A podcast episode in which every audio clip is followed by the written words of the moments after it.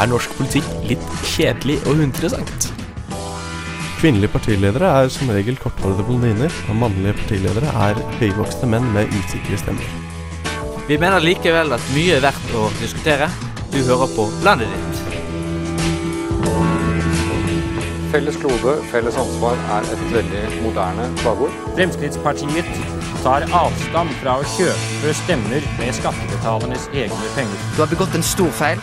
Du har prøvd å beklage, og mitt tydelige budskap til deg er at nå er det nok, Per Sandberg. I dag I dag har velgerne stemt frem en historisk sterk valgseier for de borgerlige partiene. Kjære landsmenn, norske kvinner og menn. Velkommen til landet ditt på Studentradioen i Bergen. Ja, det stemmer. Velkommen hit til oss i vår stue med ting vi har bøffet fra drømmefangeren til Frank Aarebrot.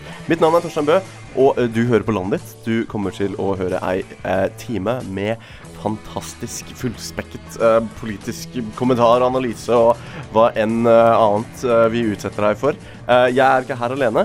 Eh, jeg stirrer rett inn i øynene på eh, den fantastiske, den nydelige Espen Vågen. Det er meg en glede å ha deg her. Veldig fint å være her. eh. Hva er det vi skal snakke om i dag? I dag skal vi snakke om asylhotell, eller utleie av hotell til UDI. Ja, Og så skal vi snakke om det nye inntektssystemet for videregående skoler i Hordaland. To ting du er veldig kritisk til, har jeg allerede Eh, ja. fått med meg. Eh, vi to er ikke alene. Vi har med oss en tredjemann. Uh, den utrolig mediokre, helt gjennomsnittlige, egentlig. Uh, nei da, den fantastiske Tobias Jensen Otterstad. Hei, hei. Fantastisk å ha deg her, Tobias. Eh, hva er det vi skal ta opp i dag? Vi skal ta opp eh, det nye stortingsbudsjettet, og vi skal også ta standpunkt om, om stemmerett for 16-åringer. Ja, eh, det blir meg mot uh, Tobias. Eh, Ja, vi skal rakke på kids, eller eh, støtte dem opp. Eh, spørs hvem av oss vi er, egentlig. Jeg er mot, han er for. Eh, vi skal også eh, få et innslag av høyrekomikk fra vår egen eh, Espen Våge.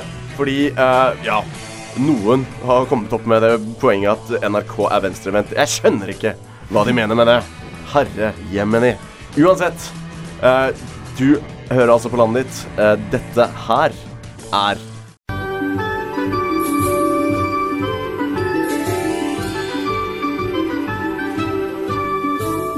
Hvis du skulle beskrive Trude Drevland med ett ord, hva ville det være? Som bergenser, et godt rævhold. Tusen takk. For friske meninger og spreke oppfatninger, hør på landet ditt. Ja, gjør det. Det er hyggelig at du gjør. Vi skal snakke om uh, denne flyktningkatastrofen som uh, skyller over landet. Og uh, vi har tatt et litt en liten kikk på vedkommende som eier og driver uh, flyktninghoteller. Eh, det har seg sånn at eh, UDI gir eh, skal si, de som eier eh, hoteller, eh, penger for at eh, flyktningene skal være der midlertidig. Og på overflaten altså, virker det egentlig som en ganske grei måte å akutt bli kvitt eh, liksom, og akutt få et sted de kan eh, være imens eh, papirarbeid og andre ting skjer. eh, hvorpå man kan fylle tomme norske hoteller til dette formålet. Men eh, her er det noen som ikke er sympatiske, vil jeg si, Espen. Det er vel egentlig systemet som først og fremst er feil, tror jeg. Men det er åpenbart veldig lønnsomt å f.eks. bytte ut elever med flyktninger. For eh, tidligere denne uken så kunne jo NTB eh, melde at eh, den Steinerskolen i Røyken, som ble kastet ut av sine lokaler som var eid av Thon-gruppen, eh, der er det nå flyttet inn 150 flyktninger. Eh, og hvis man antar at eh, det er den gjennomsnittlige døgnprisen for flyktninger som gjelder der, Mm. så kan jo da Thon-gruppen cashe inn 7 millioner eh, de neste to månedene fra UDI for det. Og det er vel eh, Ja, jeg, ja, jeg, liker det ikke. tiendedel, en tiendedel, eller kanskje under det, av hva Ja, det- Steinerskolen faktisk betalte for de samme lokalene. Ja, Tobias. Ja, for det, det vi er i gang med nå, er jo en sånn stor dugnad der alle er liksom ment at vi skal bidra, ikke sant. Man skal eh, sende inn sine skattepenger, og så skal vi gjøre en greie for alle de som trenger et hjem å bo. Og så er det noen som så sitter der og skummer fløten, på en måte. Som sender Ja. liksom faktura på det dugnadsarbeidet. Ja, Det, er, det, er, det er litt råttent, altså. Du sitter der og tjener penger på nød. Ja, på andres nød. Ja, altså det, det som er veldig leit med den saken, er jo at de blir sendt ut på dagen, disse elevene.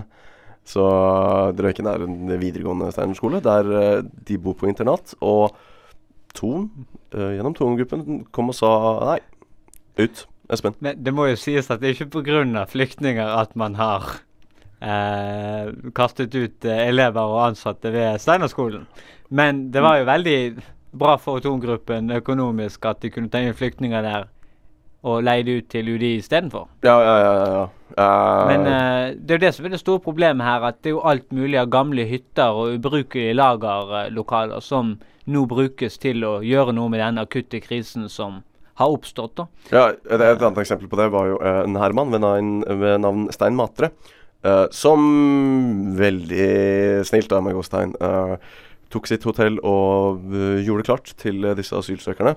Han hadde bare ikke fortalt noen at Arbeidstilsynet hadde stengt det hotellet eh, 6.2 i år. Så her har vi en ganske frekk jækel som prøver å bruke et nedlagt hotell eh, som asylhotell, og prøver å cashe inn på eh, det som skjer, det er liksom Vi er i en vanskelig situasjon her fordi de hjelper jo tross alt. Ja. Eh, Hva syns du om det, Tobias? Ja, for det, det er det som er liksom problemet. At vi ser at vi har, vi har et system som ikke er bygget for, for sto, så store masser. Men samtidig så er det Så er det da den det, det, Da dukker det liksom opp de verste menneskene som sender inn og tilbyr seg å hjelpe, på en måte. Ja. Og da, Man burde nesten tenke litt langsiktig på det her. Da. At, en eller annen sånn der eh, langsiktig måte å uh, få folk til å skjerpe seg nå. For da vil de også få mulighet til å hjelpe senere også. For det er jo penger å tjene der, og det er helt greit at du tjener penger på å huse asylsøkere, men Mm. det, det kan ikke gå over alle støvleskaft, da, som det gjør nå. Ja, nei, fordi nå, nå virker det som det er en uh, det, At det er Klondyke-stemning uh, Ja. på akkurat dette feltet. Det er sjukt mange spekulanter som skal inn på markedet. Uh, Men jeg tror uansett at UDI må gå litt i seg sjøl der og faktisk begrense denne kompensasjonen de faktisk gir til disse eh, lokaleierne. Eh, for jeg tror den er litt høy. Man snakker jo gjerne om hotellet. Ja, men dette er jo ingenting. De 800 kronene er jo ingenting i forhold til hva et hotell ellers måtte hatt per hotellrom. Men Ja. det er jo ikke riktig. Det er jo kun riktig for de største byene, Ja. der det er stor etterspørsel. Ikke liksom for Utkant-Norge, da. Nei, Tobias. Og det er liksom Altså, det premisset om at uh, nå kjøper f.eks. UDI hele kapasiteten på et helt hotell, da. Mm. Og da skal du ikke Det er ikke noen grunn til at de skal betale fullpris for hvert rom på det hotellet. For det er ikke noe hotell i verden som er fullbooket hver eneste natt. Ja, måned altså, etter måned. Da bygger du et større hotell, på en måte. ja, du, du liksom, hvis, hvis du er garantert at alle rommene dine blir fylt, så kan du Da kan du liksom bygge ut. tilby, for, tilby det for mindre penger, da. Det, jeg syns det er litt sleskt. Et annet eksempel er jo Ola Mo, uh, som er en investor som tok et uh, høyfjellshotell som han hadde, han hadde så, og så bare på dagen gjorde han det om til asylhotell. Og uh, nå har jo arbeiderne på dette hotellet uh, gått i søksmål, og det skjønner jeg veldig godt, for de har ikke kompetanse til å drive et asylsenter. Uh, plutselig var de ikke bartendere lenger. Plutselig så lagde de ikke skal jeg si, ja, treretters middager lenger. De ble plutselig ansatte i forvaltningen, og det var det jo ingen av dem som i utgangspunktet fikk ikke de stillingene, eller hadde de stillingene for. Espen? Ja, nei, men Realiteten i Hotell-Norge er jo faktisk det at de går halve året med overskudd og halve året med underskudd. Ja. Eh, sånn at jeg, jeg, jeg skjønner det liksom veldig godt. Det er ikke lett å drive hotell i, i Norge. Men eh, ja, Tobias? om det er Ja. sånn man skal gjøre det, det, det er jo det som er spørsmålet. Mm. Ja, for egentlig så burde de jo takke takke UDI for det her, for det bidro til en stabil strøm av, av opptatte rom, på en måte. Det er jo en kjempefordel. Og kapitalen med det. Ja, jeg tror jeg bare vil avslutte med et sitat av Kåre Willoch, som eh, hang på min sosialdemokratiske fars korktavle. Ja. Og det handler om at eh, de via oss som eh, argumenterer for Kan, det kan du ta stemmen din? Jeg kan ta stemmen. Ja, kan min egen eh, Willoch-stemme. Vi som argumenterer for det kapitalistiske system, må anerkjenne at enkelte lederes hemningsløse grådighet på bekostning av de interesser de er ment å representere, det er kapitalismens uløste problem. Og det er noe der, altså. Ja. Kapitalismen og det systemet som gir så mange fordeler, det Mm. tiltrykker også de menneskene som bare er grådige og ute etter penger. Ja, eh, jeg må også bare si at det er utrolig usympatisk å tjene så mange penger du Ja. bare kan Ja. på akkurat uh, denne situasjonen i Norge. Ja, folk må skjerpe seg litt, på en måte. Nok Dette er om- dugnad. Ja. ja, dette er dugnad. Uh, nok om det. Endelig er dagen klar. De ansatte på Svanviken kunne endelig si hysj og fiskam til de nyankomne ved Svanvik arbeidskoloni. Leiren kan holde flere hundre tatere, og med den iherdige innsatsen til norske kvinner og menn makter vi kanskje å utrydde en folks egenart. Det er i hvert fall målet til sittende direktør Knut Myhre. Ja, dette er en dag vi sent vil glemme, og jeg er rimelig sikker på at vi aldri kommer til å skamme oss dypt, dypt over at en slik instans noensinne fantes. For ting du helst ikke vil høre om landet ditt, hør på landet ditt. I studio er Torstein, Espen og Tobias, og vi skal snakke budsjett, budsjett, budsjett. Noe det vanligvis er ja, skal jeg si, litt vanskeligere å lage underholdning av, sånn i underholdningens eh, reneste form. Men dette er viktig informasjon, så vi eh, kommer Vi stiller opp allikevel her i landet ditt. Espen. Ja, nei, Vi tar oss tid. For eh, budsjettavtalen for 2016 den er på plass Mhm. eh, på Stortinget. Det grønne skiftet vil styrkes, og det samme gjelder det sosiale sikkerhetsnettet, som òg vil, vil styrkes. Mens oljepengebruken derimot, den, den vil ikke økes. Ja, så uh, her er det alt på stell, Tobias. Ja, ja, ja. Uh, bistandsbudsjettet. Du kan si Ok, man sier liksom at bistandsbudsjettet får tilbake 2,5 milliard, Mm. men det som egentlig skjer, er at regjeringen hadde lyst til å kutte det med 4 milliarder, og så flyttet man 2,5 milliard tilbake igjen. Så bistandsbudsjettet totalt sett kuttes med 1,7 milliarder, men, eh, men samtidig så brukes det mer penger her i landet på flyktninger. Ja. Så totalt sett så bruker vi mer penger på de folka som trenger det, Det men vel eh, ikke i Afrika. Vi ja, ja, det var for å få det. litt det Frp ville gå inn for, at uh, bistandspengene ble redusert Eller altså, bistandspengene gikk ikke utenlands, men innenlands til eh, de nødig uh, trengende. Eh, med all denne bistandskursen må man jo spekulere i om eh, KrF er fornøyd. Eh, det er det jo ikke.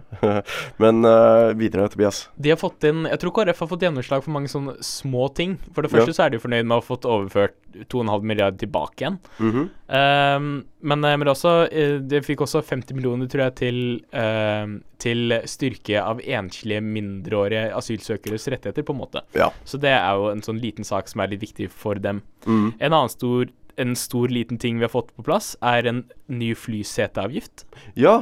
Som betyr at det skal bli dyrere å kjøre fly Altså, flybilletten din blir dyrere, da, rett og slett. Ja. Uh, og det er jo egentlig ikke så dumt, med tanke på hvor uh, altså miljøskadelig fly, flyreiser er. Ja. Og hvor mye mer vi Det viser seg faktisk at eh, vi nordmenn reiser fire ganger mer med fly enn svenskene innenlands. Espen? Ja, spørsmålet er jo eh, bare om det er selve setene som skal eh, være det man eh, ja, Ja, skal skatte, da. For det er jo ikke setene i seg sjøl som forurenser.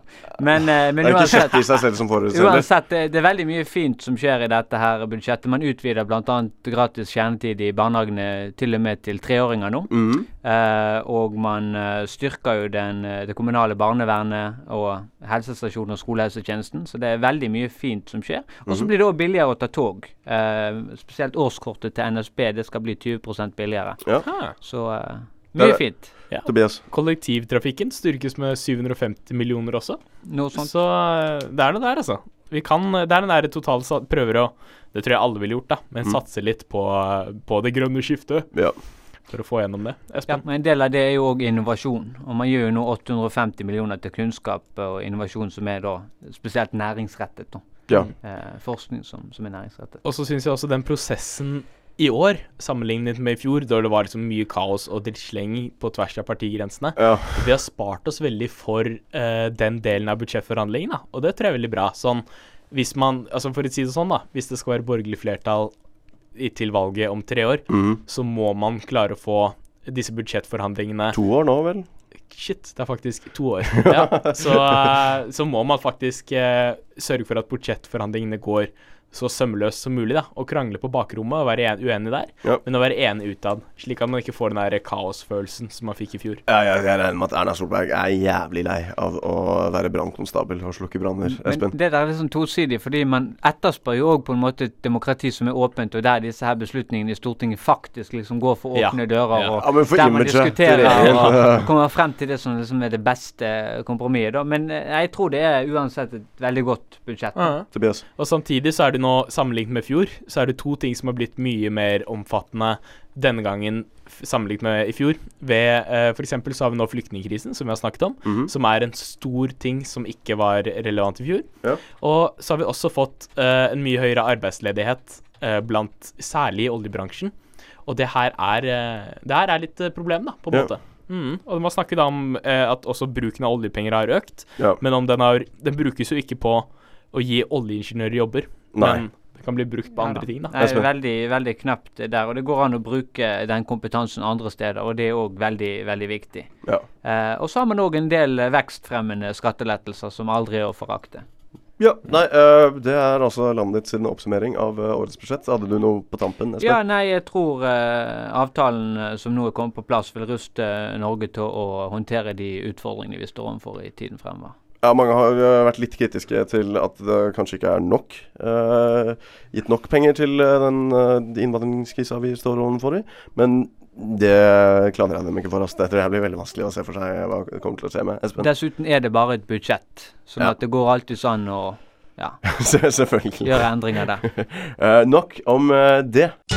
Er ditt parti kun en masse middelaldrende, kjedelige hvite mennesker uten sjarm og egenart? Vil du ha en eh, mer unik og spennende representant for ditt parti? Hos oss i Leien politiker er ingen etterspørsel umulig.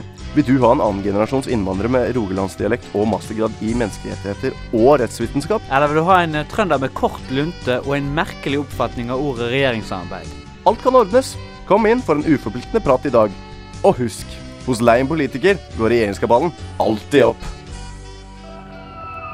For unike og spennende politikere, hør på landet ditt. Et lite gimmick vi har i landet ditt, det er at eh, oss tre, meg, Torstein, Espen og Tobias, eh, er håndplukket av ja, meg, egentlig. Eh, fordi vi eh, har forskjellige meninger. Vi eh, representerer forskjellige deler av det politiske spekteret i Norge. Eh, personlig er jeg heldig jeg mot venstresiden. Espen er jo langt, langt, langt mot høyre. Tobias er, er uavhengig. Jeg er veldig fornuftig. Fornuftig? Jeg. Er, vil du si at det er kind of sentrumsaktig? Ja, ja, men det er jo sentrum-høyre, om ikke annet. da Altså er... Sentrum blir jo både KrF og Senterpartiet og Venstre, på en måte. Og jeg er Ja. jo verken landbruksmann, kristen eller liberalist. Bare her i studio ser du hvordan han lener seg mot meg. Ja, ja, ja, lener seg mot høyre. ja. Uh, uansett, et sted som ikke er ja, Som ikke engang prøver å være like Skal vi si det, det regnbuefargede som oss, er uh, statsinstitusjonen NRK.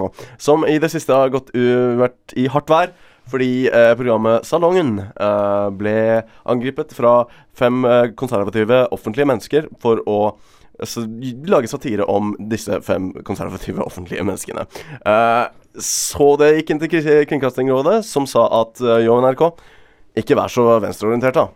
Og eh, jeg kan ikke skjønne at det var en overraskelse for noen, egentlig, at NRK som statsinstitusjon er venstrevridde. Uh, men hvis det nå uh, en gang er slik at uh, denne anmodningen høres på, så har vi i landet ditt et forslag. Eh, Espen Våge er uh, vår høyremann, og han kan være morsom, han òg. bare husk NRK at vi kommer som en pakke. Så hvis dere leier inn han, så må dere leie inn oss også. Ja, vi, vi alle tre. Alle, alle tre. alle tre Mm. Tre musketereraktig uh, greie. Ja. Uh, så eh, uten å oppholde deg eh, videre, kjære lytter Landet ditt presenterer i samarbeid med Studentradioen i Bergen. En ekte bergenser, en ekte sjoagutt. Rett fra Åsane. Med humor langt ut mot høyre. Lenger enn NRK, lenger enn Dagens Næringsliv, lenger enn uh, Civita. Espen Våge! Takk, takk. Tusen takk. Ja, nei, Jeg tenkte jeg skulle begynne med en liten vits uh, for dere. Uh, du skjønner det var en mann da som var litt uh, uheldig. Eller uheldig, uheldig. Han, han døde, da. så han, nei, så han kom opp til, til St. Peter og perleporten, da. Og bak St. Peter, der han ble liksom hilst velkommen til, til himmelen, da, eller inngangen til himmelen, så, så, så hang det en svær vegg med klokker. Og man kunne ikke gjøre annet enn å undre seg. liksom, ja, nei, Hva er det disse klokkene liksom skal forestille? Å, sa St. Peter, dette her er lygeklokker. For hver gang et menneske på jorden lyger, så går klokken deres ett hakk frem. Ah, jo, men altså den der klokken eh, der da, som bare går to hakk eh, frem. Ja, nei, det, det er selvfølgelig min, sa St. Peter. Jeg lyver jo aldri, jeg er jo St. Peter. Så den har bare gått to hakk frem. Og den som selvfølgelig ikke har gått frem i det hele tatt, det er jo Jesus, og Jesus lyver jo aldri. Ah, å. Ja, men han der eh, nye byrådslederen i, i, i Bergen, da, Harald Skjeldrup, hvor, er- hvor er hans klokke? Nei, sa St. Peter, du skjønner det at eh, akkurat nå så er det bystyremøte i Bergen, så den har uh, Den har uh, Jesus inne på kontoret som vifte. ja, uh, det er altså vårt bidrag i hele den debatten. Eh, Espen Våge, mine damer og herrer. Og Og husk, kan- dere må leie inn alle tre. Ja. Tobias. Og jeg kan love at hvis NRK gir oss 100 000 kroner til å utvikle deg videre, så Ja. kommer det iallfall et par vitser til. Ja, et par vitser til i det Det kan vi garantere. Eh, 100 000, så får dere flere vitser. Et lite problem med den vitsen, Espen, hvis jeg kan være kritisk i Ja. to sekunder, det er jo det at du kan dytte inn hvilken som helst politiker eh, inn i, i klokken eh, på kontoret til Jesus. Uh, hvorfor er det så vanskelig å gjøre narr av uh, venstrepolitikere, eller ha høyrehumor, da?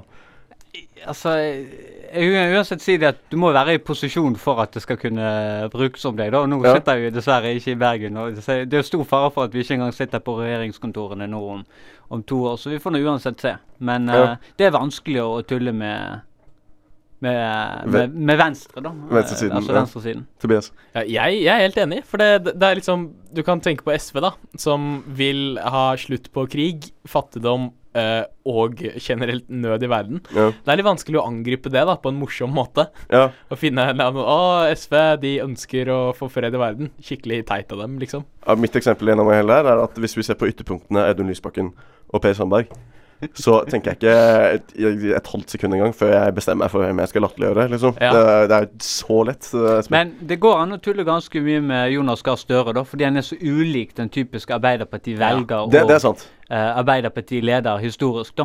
Så Ja. at når han har gått og spist pizza eller pølser, eller et eller annet sånt, så har det blitt mye humor av det.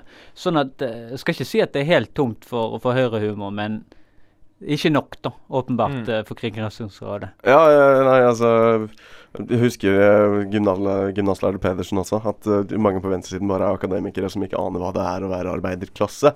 Eh, det er jo mange vitser å dra fra det, men ikke like mange som når Bård Hoksrud gjør hva som helst. Espen. Mm.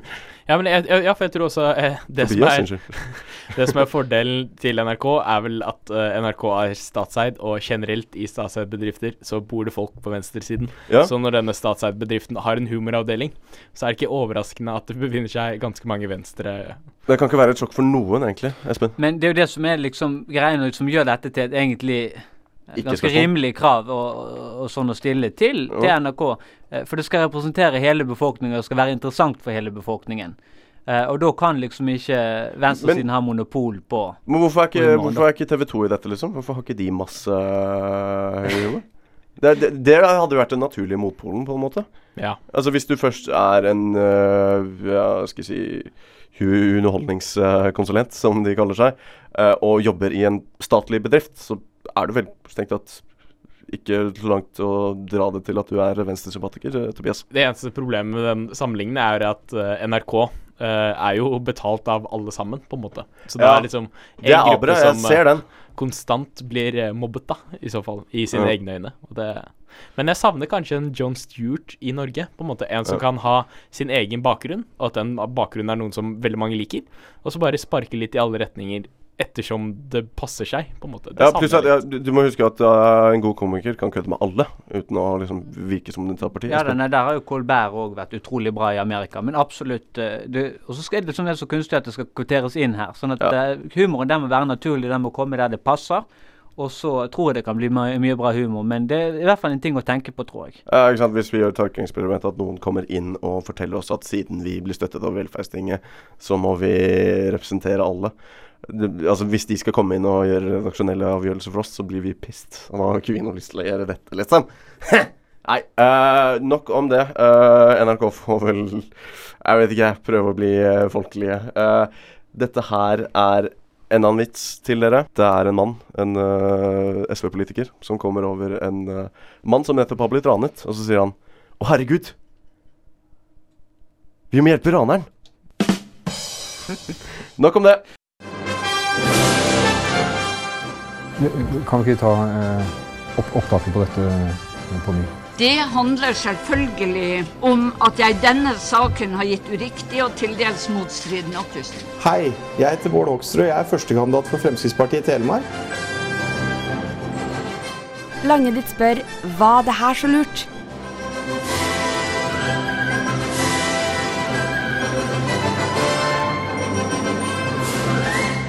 Ansvarshierarkiet i norsk politikk kan noen ganger eh, være litt eh, vrient å følge med på, men et konkret ansvar eh, fylkeskommunen din har, er videregående skoler. Og her har det kommet forandringer i Hordaland, Tobias.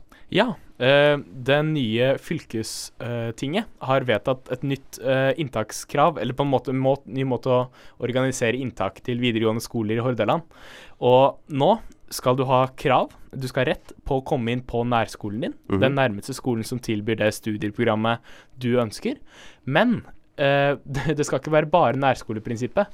For på hver skole så skal det være representert elever både med høyt snitt og lavt snitt. Ja. Så du får en sånn Karakteren din skal telle, men b- som regel enten i negativ eller positiv forstand, da, på en måte. Espen? Sånn at selv de gode elevene må jo på en måte bli kvotert til tilfeldige skoler rundt om i fylket, slik denne ordningen faktisk er. Ja. Hvis et område faktisk ikke skulle ha flinke elever. Ja. Ja, og eh, dere er uh, furiose, eh, Tobias. Ja, for det, det som er så fint med fritt skolevalg, er jo at du som eh, 15-16-åring kan påvirke din egen hverdag ved at du på ungdomsskolen jobber hardt. Og så har du lyst til å komme på en videregående skole som enten du foretrekker fordi den er ny, fordi den har, rykte på seg for et godt miljø, eller fordi den ligger i nærheten. Det velger du helt selv, hva som er viktig for deg. Men du har muligheten til å påvirke det her selv, da, gjennom å jobbe hardt og få gode karakterer. Espen? Og det er jo det som jeg er redd for, da. Det er jo at hvis man da innfører dette her, da, og man hadde en slags sånn uh, semi-nærskoleordning eh, for ti år siden. Eh, hvis man innfører det igjen, så, så er jeg redd for at insentivene for å faktisk jobbe skikkelig og ta ungdomsskolen seriøst, de forsvinner hvis man likevel får gå på nærskolen. For det er veldig mange som har lyst til å gå på nærskolen, og som derfor går på nærskolen. Ja, og samtidig så er det, så er det i en helt andre skalaen. De som overhodet ikke har lyst til å gå på, bo, gå, på gå på nærskolen sin, de kan jo ikke nå komme seg vekk. Fordi hvis du f.eks. er utilpass, ønsker å finne et nytt miljø, ønsker å starte på nytt i en annen del av fylket, så kan du ikke lenger det. Fordi Mm. du må velge den nærskolen. Altså du, må, du kommer automatisk inn på nærskolen din. Så for en stor andel, altså de dårligste og de aller flinkeste, de vil kunne i større grad velge. Mm. Men alle de på midten, som er størstedelen av andelen, vil bare havne på nærskolen sin automatisk. Espen? Og det er jo det vi faktisk eh, ser her, spesielt med sentrumsskolen i Bergen, er jo det at folk kommer fra absolutt hele fylket for å gå på disse skolene, for å ta de fagene de har lyst til å ta, og for å møte nye mennesker. sant? Og så er det òg veldig viktig å påpeke det at 93% får faktisk gå på eh, førstevalget sitt, altså eh, med dagens ordning i, i eh, Hordaland. Mm. Og det vil jeg si, da fungerer det ganske godt. Ja, Tobias. Og samtidig, litt av grunnen til at man gjør det her, er jo for Man sier at det skal hjelpe til med sosial utjevning.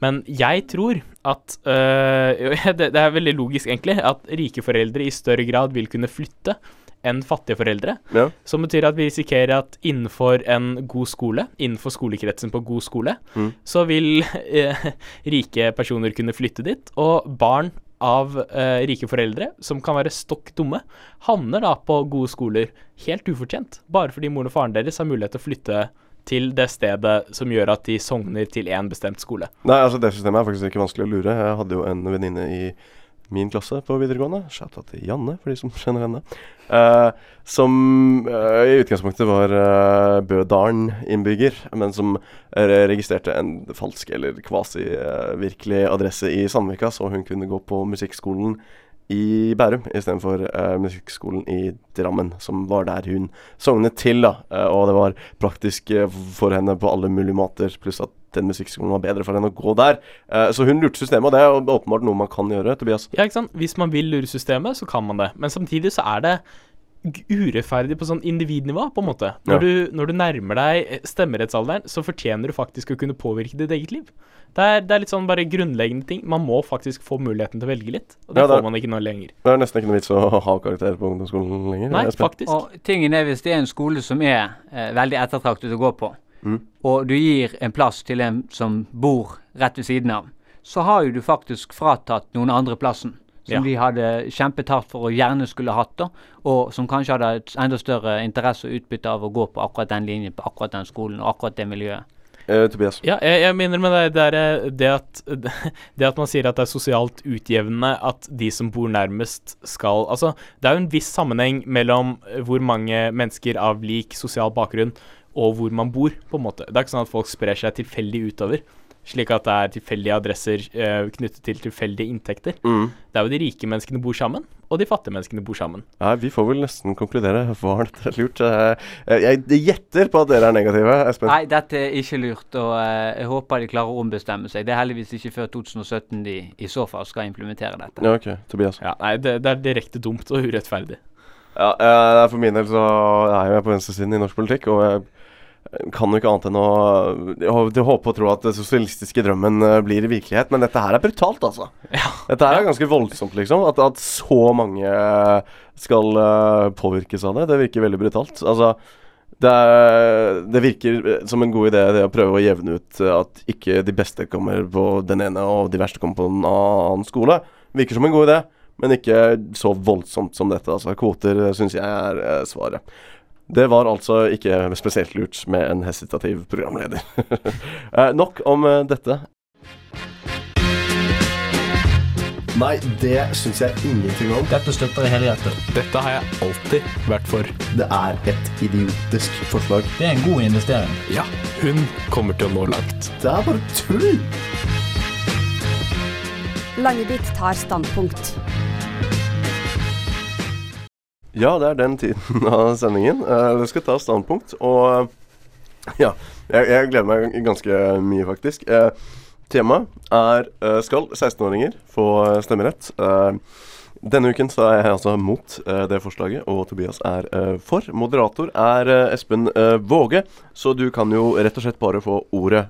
Ja, nei, I dag skal vi lande på om vi skal ha stemmerett til 16-åringer eller ikke. Mhm. Jeg eh, gir over ordet med en gang til Tobias. Bør vi ha eh, stemmerett til 16-åringer, ja eller nei? Ja, jeg mener det fordi 16-åringer har alle forutsetningene for å kunne delta i demokratiet. De har ti års skolegang, de kan bli satt i fengsel, og de må betale skatt for sin inntekt. Og som det sto så fint i den amerikanske uavhengighetskrigen, ingen skattlegging uten representasjon. Og sånn da. skal det være. Skal Det du sitere uh, de slaveeierne og hasjfjesene som har uh, alle grunnleggende menn i Amerika? Men uh, hvorfor, eh, hvorfor er dette en dårlig idé, da? Nei, altså, dere kjenner eh, 16-åringer. Dere har selv vært 16-åringer, og dere kan huske altså, skal si, angsten og uh, måten dere ikke passet inn noe sted, og uh, hvor utilpasset dere var i samtlige sammenhenger, og hvor mange dårlige beslutninger dere tok. Altså, rett og slett Hovedargumentet mitt kommer til å være at uh, her ser vi ikke Personlig ikke jeg modning nok i individet til at eh, han skal få lov til å Å stemme er viktig, liksom. Men jeg er jo tilhenger av serien Paradise Hotel på, eh, på norsk eh, TV, TV3. Ja. Eh, og der er det òg mange umodne voksne. Eh, som Ja. er i 18-19-20-årsalderen. du, kan, du kan komme med argumentet eh, Ja, eh, hun er veldig moden for alderen, eh, så Bli- hun blir kunne sikkert så- kjørt bil. Blir men man så utrolig mye mer moden liksom på to år, er, er mitt store spørsmål. På Ja. de to årene. ja, nei, altså du har uh, to år av videregående, og du uh, kan ta førerkortet, du kan begynne å drikke, og du kan uh, gå inn i militæret. Dette er to år m, intensive ting, og Ja, du er ferdig med puberteten. Altså hormonstormen, for helvete. Ja. Nei, jeg mener at det er kunstig, for det, det er så mange folk over 18 som er så forskjellige, og som ikke burde hatt det. Det er så mange folk under, under 18 som er 16, som kunne hatt det. Samtidig, som jeg har sjekket opp nå, i lokalvalgene i Norge, så hvis du bor Hvis du er fra innenfra Norden, så kan du ha bodd i eh, Norge i to måneder. Da har du lov til å stemme ved lokalvalgene. Så det betyr at en finne som flyttet hit i starten av mai, vil kunne stemme ved norske lokalvalg, men ikke en 16-åring som har bodd her hele livet. Ja, men en finne som har et helt liv bak seg, med Ja, men- modning og erfaring. Men han, han kjenner jo ingenting av forholdene, men han, skal få lov å han eller hun skal få lov til å stemme, men ikke norske 16-åringer. Jeg syns det er veldig dumt, og samtidig så tror jeg det er sunt at 16-åringer får tilgang på denne demokratiske privilegiet før de tar, tar del i andre bokseprivilegier. Dette er på en måte en tillitserklæring til ungdommen, og jeg syns det er bra at vi får en forankring. eh, for det som er nå, er at 18-åringer de er snart på vei ut av, ut av hjemmet, ut av lokalmiljøet. Eh, og de er over igjen inn på vei i en ny gruppe, men ungdommene som er 16, de vil være i den situasjonen de er i fire år fram i tid. De vil ha muligheten faktisk til å engasjere seg mer i politikk enn de som er 18, som har andre ting å tenke på. Ja, sorry, altså argumentet uh, det, det, Altså, 30-åringer kan være det, altså, barn i hodet, mens uh, 12-åringer kan være voksne i hodet.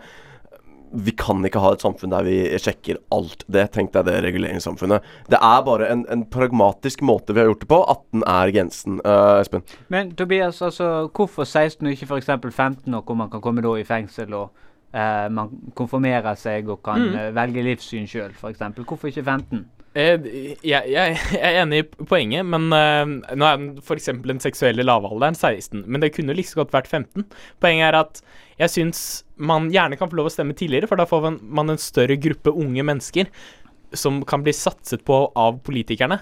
For poenget nå er at det er veldig mange Veldig mange som ikke får en rolle. da. Det er veldig vanskelig å rette seg mot ungdommen eh, blant politikere.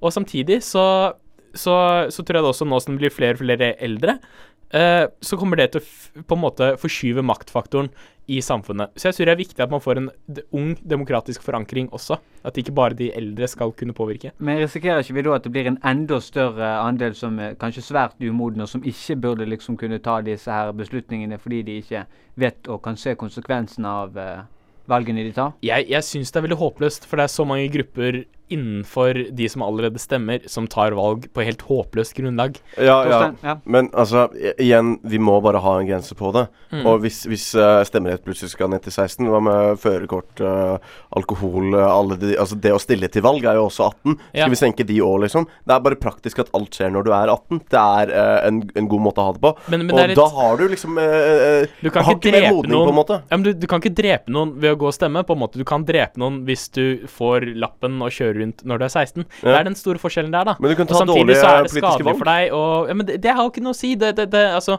det er to gru, det er gru, gode medisinske grunner til at du ikke skal kjøre under 18. Det er gode medisinske grunner til at du ikke skal drikke når du er under 18. Det er ingen medisinske grunner som gjør at du, du er uegnet eller det er skadelig for deg å stemme når du er 16. Ja, du, du kan jo kjøre når du er 16 i Amerika, f.eks. Men altså Ja, men det er ikke en god løsning, på en måte. Altså, akkurat den her Samtidig så er det en så god ting i samfunnet vårt, det at vi kan stemme.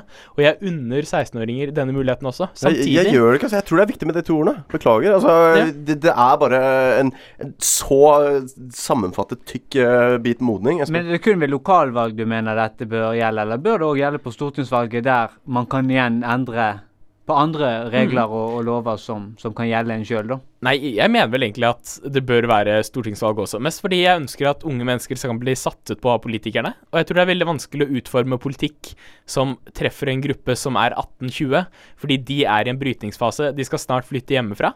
Så lokale tiltak hjelper dem ikke.